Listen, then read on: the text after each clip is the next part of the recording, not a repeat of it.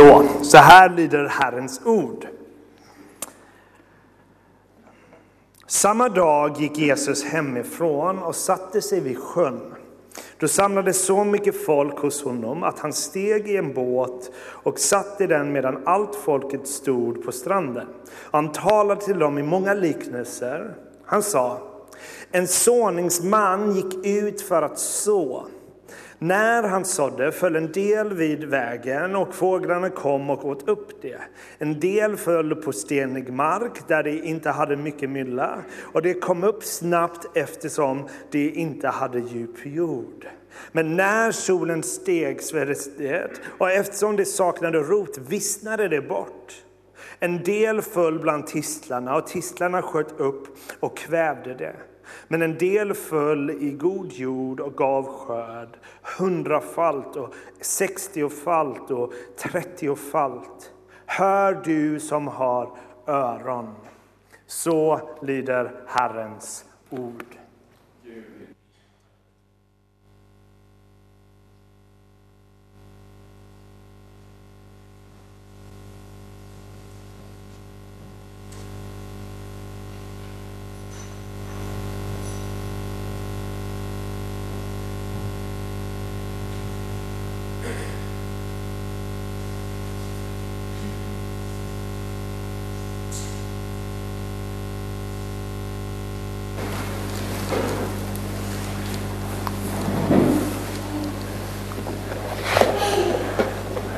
Att ni är här idag och trotsat klass 2-varningens storm.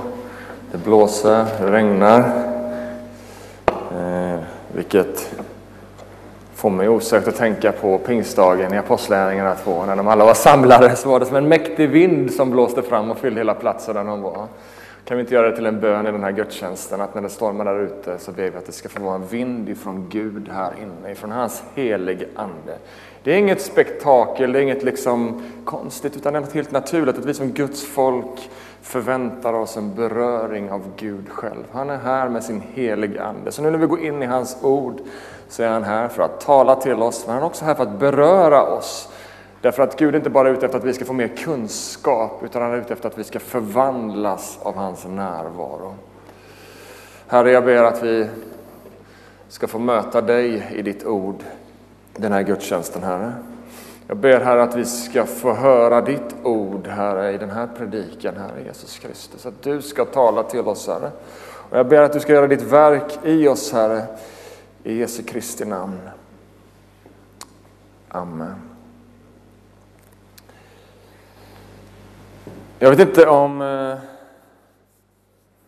du kommer ihåg från när du gick i småskolan lågstadiet kanske, eller sådär, även i mellanstadiet kanske.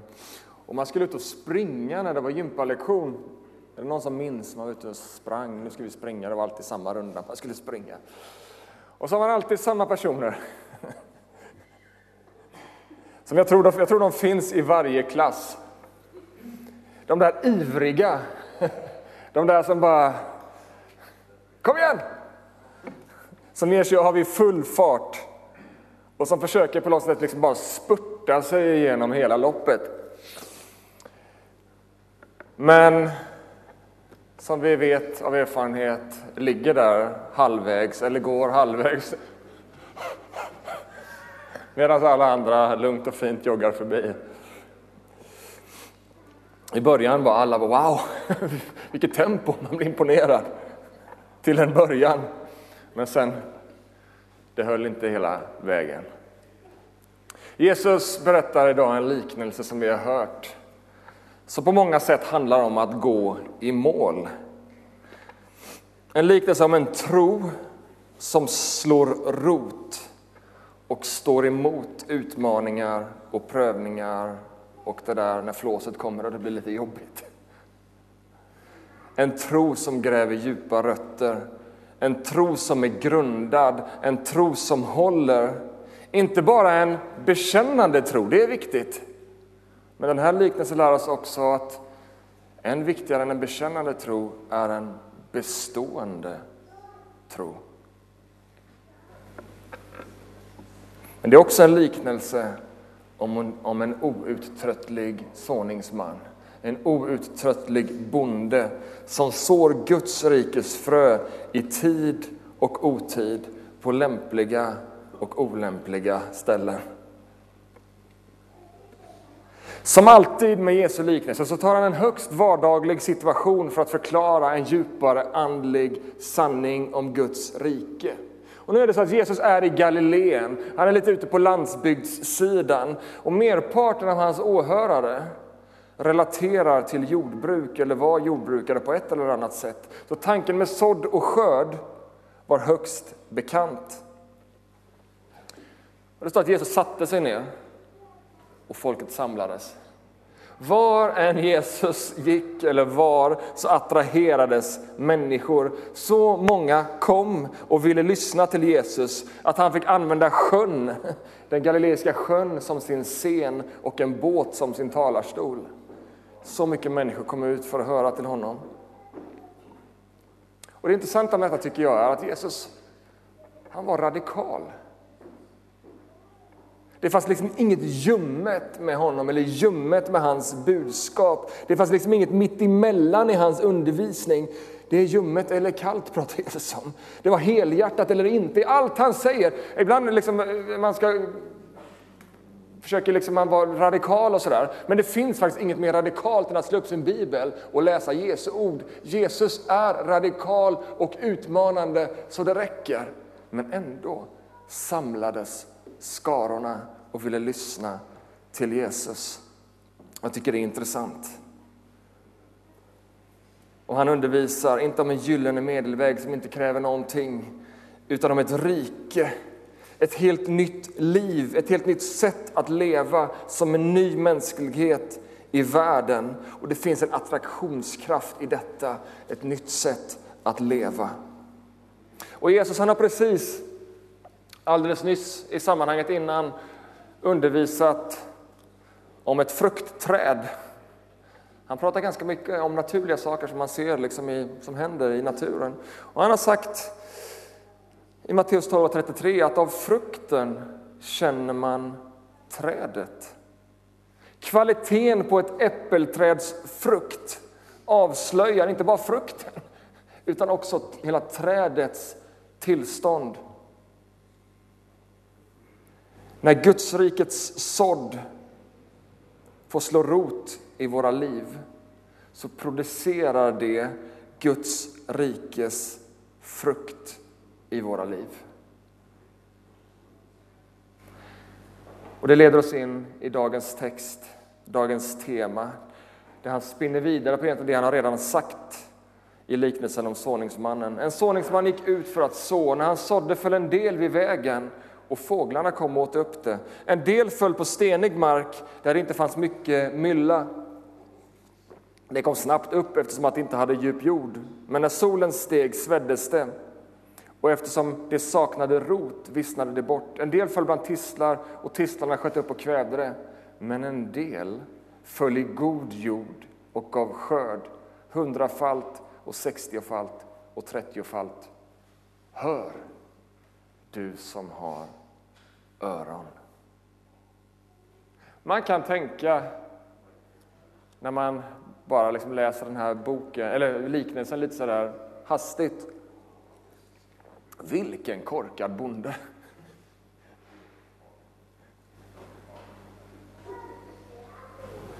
Ja, han bara sår helt okontrollerat. Här har han köpt frö och det är som att man bara... Men nej, jag beställde frö hemma för några veckor sedan. Jag började liksom hobbyodla lite eh, för att det är kul. Kanske vara i några veckor till när allt har vissnat bort. Det är ju skitdyrt med frön, tyckte jag.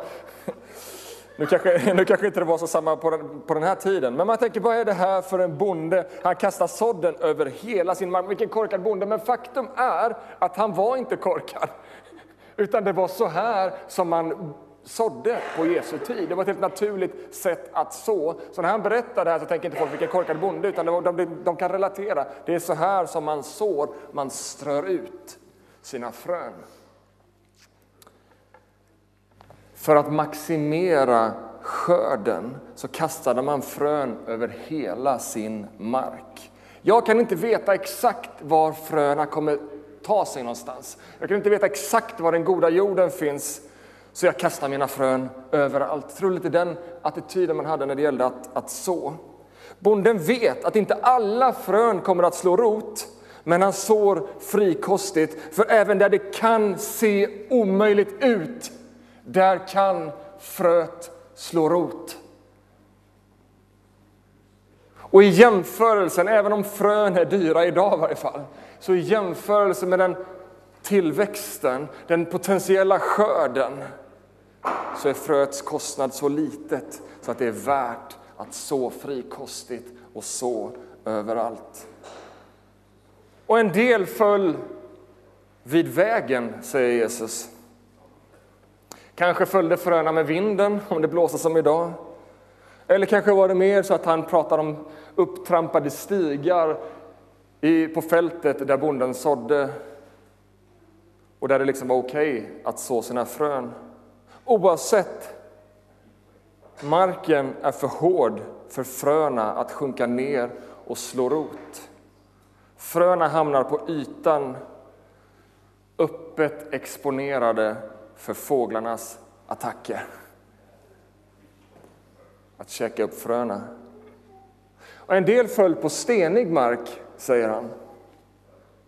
Det blir lite som när jag skulle så gräs hemma för några somrar sedan. Så snålade jag med jorden, för jorden var så dyr. Så jag sådde grös och det började växa upp och liksom bara wow, det här blir jättegrönt och fint. Fram tills den varma sommarsolen kom fram så blev gräset gult och sen brunt. Det var för tunn jordmån. Jesus säger att fröet växer upp snabbt, men så fort solen kommer så vissnar det för att det saknar djupa rötter.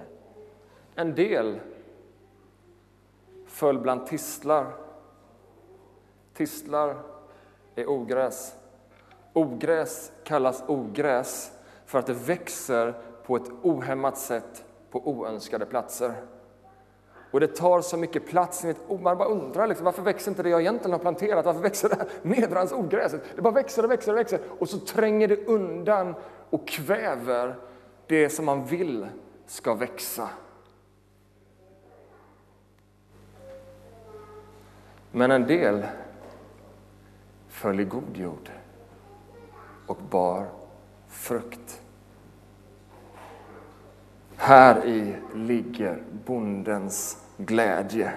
Här i ligger anledningen till bondens hårda arbete. Här i döljer sig hemligheten till varför det är värt att slösa med sina frön.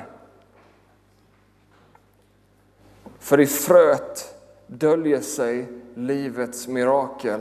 Det där pyttelilla fröet som ser så dött och torrt och torftigt ut. Det är bärare av livskraft, grönska, blomster och frukt. Och för en bonde på den här tiden så var man liksom, fick man tiofaldig skörd så var det jättebra. Fick man tjugofaldig skörd, men då var det liksom en mirakulös tillväxt. Men Jesus säger att det finns ett frö som ger 30-faldig, 60-faldig och 100-faldig skörd. En skörd, en fantastisk skörd, en skörd helt utanför vår kontroll och långt över vår förväntan. Så detta säger Jesus och så avslutar han med att säga Hör, du som har öron att höra med. Och fortsätter vi läsa några verser längre fram, vers 13 och 15 och framåt, så förstår vi att vad Jesus är ute efter när han säger Hör, du som har öron att höra med. Det är att det är med hjärtats, hjärtat som vi tar emot och förstår hans ord. Vad är det Jesus säger till oss? Vad är det han vill att vi ska höra med våra öron och förstå med våra hjärtan? Faktum är att allt som han säger, hela Guds ord, allt han säger,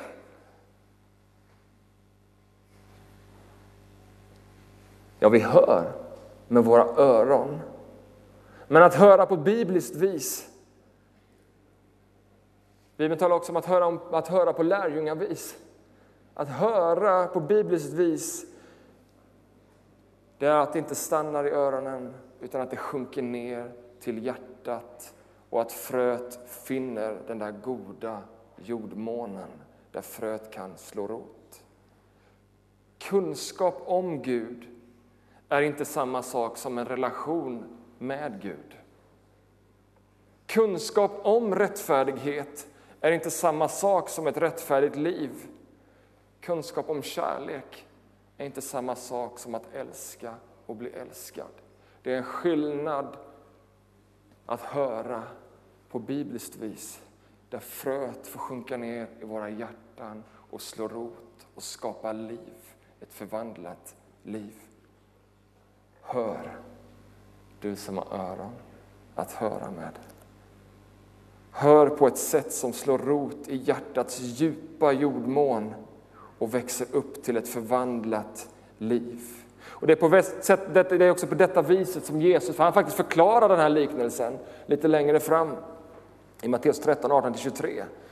Det är också så som han förklarar den här liknelsen. Hela den här liknelsen är också en liknelse om hur vi hör. Hur vi lyssnar till Guds ord. Det finns ett lyssnande som bara är ett lyssnande. Men det finns också ett lyssnande som är ett transformativt lyssnande. Ett lyssnande som gör någonting med oss. Så jag tror att vad Jesus också är ute efter i den här texten, det är att lära oss att lyssna på ett sätt som leder till förvandling. Jordmånerna. Det är ganska uppenbart, att på ett sätt tycker jag den här, varför ska jag predika om den här liknelsen? Den är rätt uppenbar i sig själv. Jordmånerna, jordmånerna representerar olika respons på evangeliet om Guds rike. När evangeliet om Guds rike går ut så faller en del på vägen. Ni vet, det studsar. Hjärtan som är hårda. Fröna hamnar på ytan. Det finns liksom ingen mjuk mylla för fröna att sjunka ner i. Det kanske beror på ovilja, man vill inte höra. Man vill inte lyssna. Kanske är man ännu inte redo, kanske är det för jobbigt, kanske är det för utmanande. Det Jesus säger är för jobbigt. Det du vittnar om det är för jobbigt. Jag stänger av. Marken behöver bearbetas lite mer. Och genom Gamla testamentet så är fåglar ibland en bild på fienden, på djävulen. Stackars gulliga fåglar. Jag vet inte, men vår mellanson, han heter Maximilian och många av er vet vem han är. Han har en sån här traumatisk fågelupplevelse. Det kanske var lika traumatiskt för mig. Men, men första gången han skulle få, ja, men ni som gillar donuts, ni vet liksom donut. En rykande het, helt nyfriterad varm donut i ett kyligt Varberg på torget. Han håller den här donaten i handen och den bara wow, det här ska bli så gott. Han hinner inte ta första tuggan förrän, inte djävulen, förrän fågeln kommer. Det är så här, en skata eller kråka. Och de är rätt stora när de kommer så här, och bara rycker donaten ur handen. Och, ah, vad är min donut? Sådan är djävulen. På riktigt. Han skäller framför ansiktet. Han skäms inte. Den här fågeln skämdes inte, han bara såg donaten som han ville ha. Djävulen skäms inte. Han kommer med sina ord av tvivel, han kommer med sina attacker för att stjäla. Så idag när du går hem härifrån så vill han komma och stjäla det som är sagt. Han vill ta det ifrån dig när du får ett profetiskt tilltal, när Gud gör någonting i ditt liv, när Gud är på gång. Han är som ett rytande lejon. Jag fick frågan av en nytroende i vår församling i tidigare i veckan här. Varför är djävulen så ond? Ja, det är en väldigt bra fråga. Han är sådan. Han är ett rytande lejon. Han vet att sin tid är kort, så han gör vad han kan. Han kan inget annat än att stjäla, för han har ingenting att ge. Han är sån, som den här fågeln som bara kommer och bara vill ta.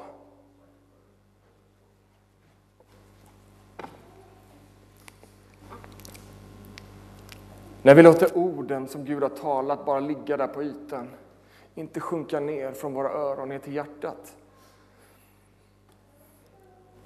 Då är vi oskyddade.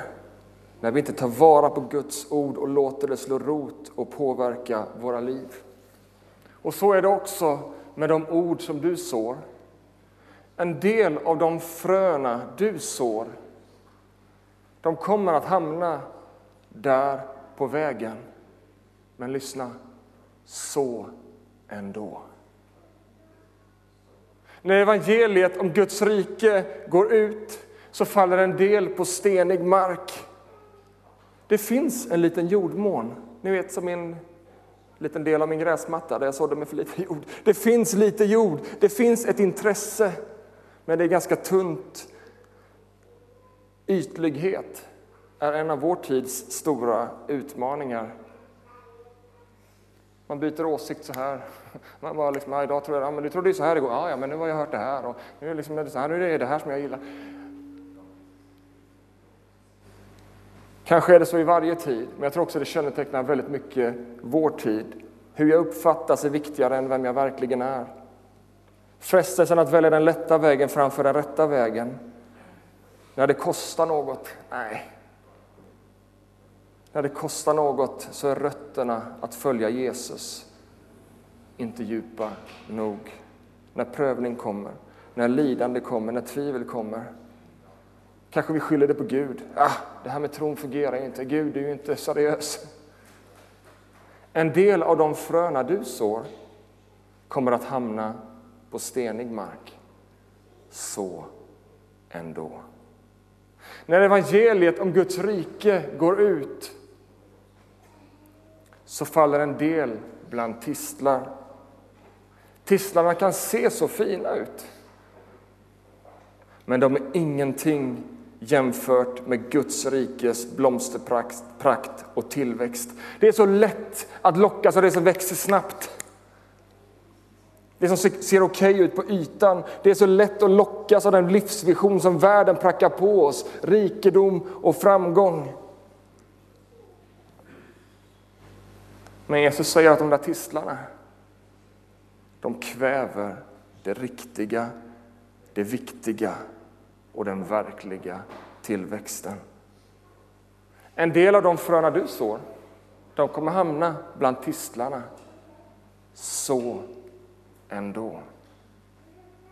Därför att när evangeliet om Guds rike går ut så kommer en del att falla i den goda jorden. Vi kan inte veta ett hjärtas jordmån. Vi kan inte veta exakt var fröna landar. Men vi kan vara trofasta i sådden, att så, att vara, som vi kan kalla den för den slösaktige bonden, som är slösaktig med att så Guds rikes frön. Men hon verkar inte alls intresserad. Så ändå. Men hans liv verkar redan så perfekt. Han behöver väl inte Gud? Så ändå. För när fröet träffar rätt, när det slår rot i ett hjärta, så är frukten hundrafaldig. Det finns en glädje från himmelen som är gränslös över varenda människa som tar emot Jesus, som tar emot Guds eh, ord till frälsning. Det finns en konsekvens i en människas liv som är oskattbar när fröet får slå rot och skapa ett förvandlat liv. En bonde är fylld av förväntan det finns liksom ingen bonde som sår med sorg. Man kanske plöjer och harvar, det kanske är lite mer sorg, men att så, det finns en förväntan, en glädje. En bonde är fylld med tro. Det finns ju ingen, bonde som går ut och sår och tänker det kommer inte bli någonting av det här. Utan det finns en förväntan av att det där fröet har en inneboende kraft. Att med regn och sol så kommer detta fröet att kunna väckas till liv vi sår inte egna frön. Vi sår Guds rikes frön. Det är inte upp till dig att prestera det där perfekta fröet. Vi sår Guds ord och Guds rikes frön. Och då kan vi vila i att Anden regnar. Anden lyser med sin värme och ger växten. Paulus säger i Första Korinthierbrevet 3 och 6, jag planterade Apollos, en annan gubbe, vattnade, men Gud gav växten. Gud är den som ger växten. Vad kan vi göra? Vi kan så. Vi kan finnas där genom Andens verk i oss, kan vi få vara med och liksom, vårt bidrag. Men det är Gud som ger växten. Jag vet inte hur det är för dig, men för mig skapar det en otrolig vila. Men det skapar också tro. Att bara liksom, jag slängde ut mig förbi farten till en person. Wow, det kan slå rot. För att Gud är mäktig att göra någonting stort av det där lilla. Därför så sår bonden överallt. Därför att det kan slå rot där vi minst anar det. Till sist.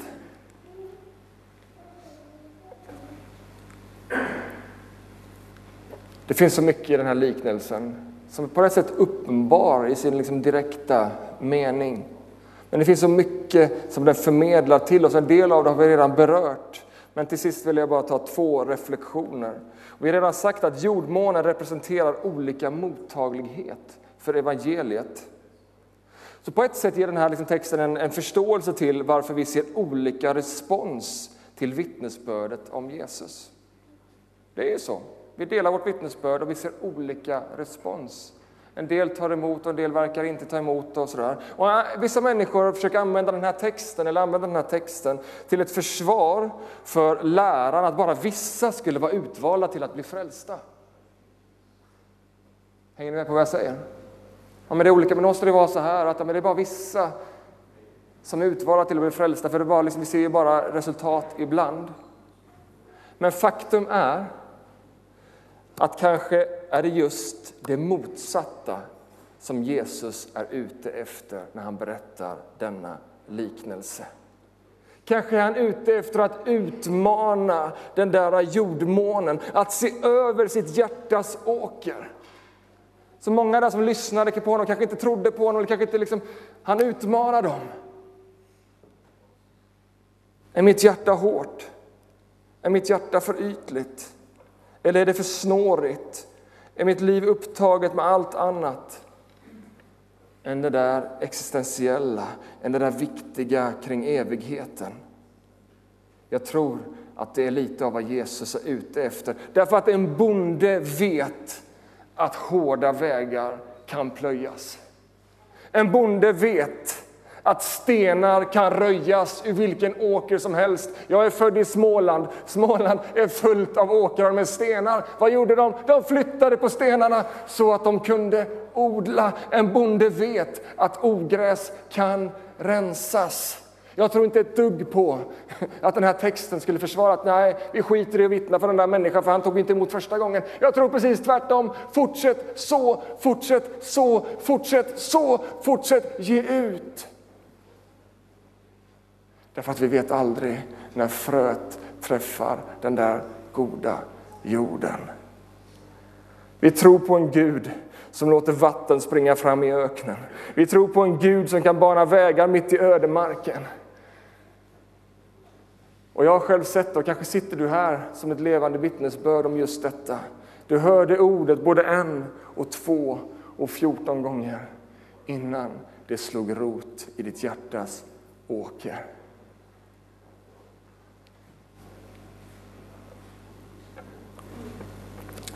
Jordmånen kan ha förändrats där det inte förut verkade att slå rot. Så därför är vår kallelse att fortsätta att så.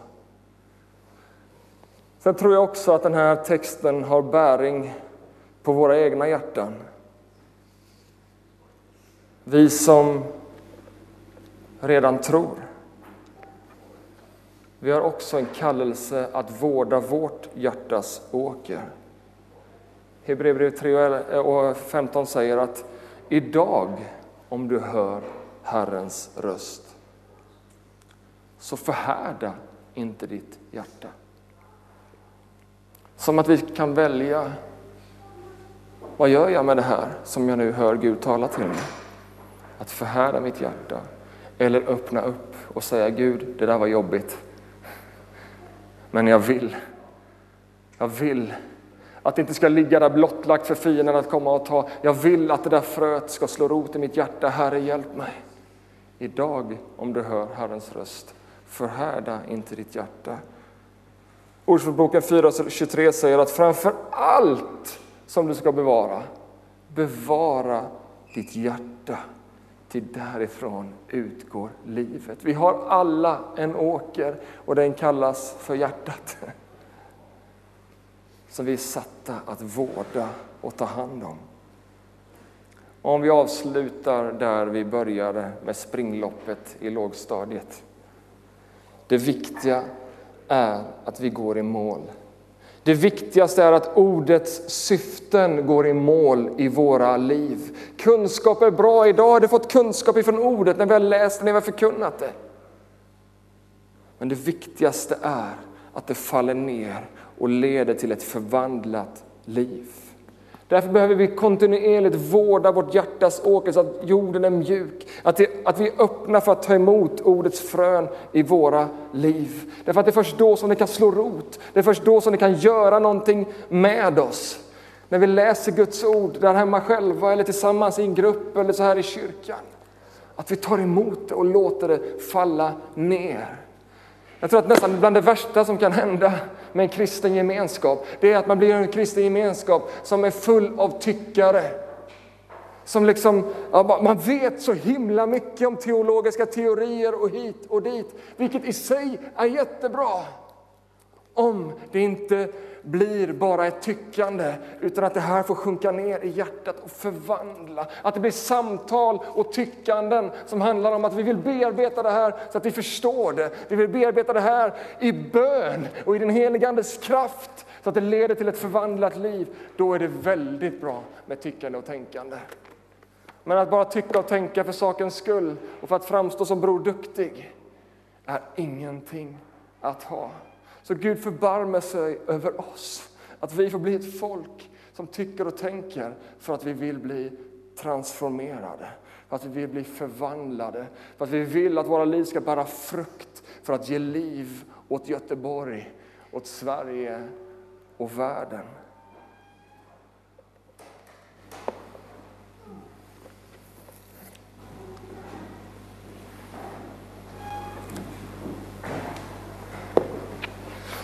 Skal vi ställa oss?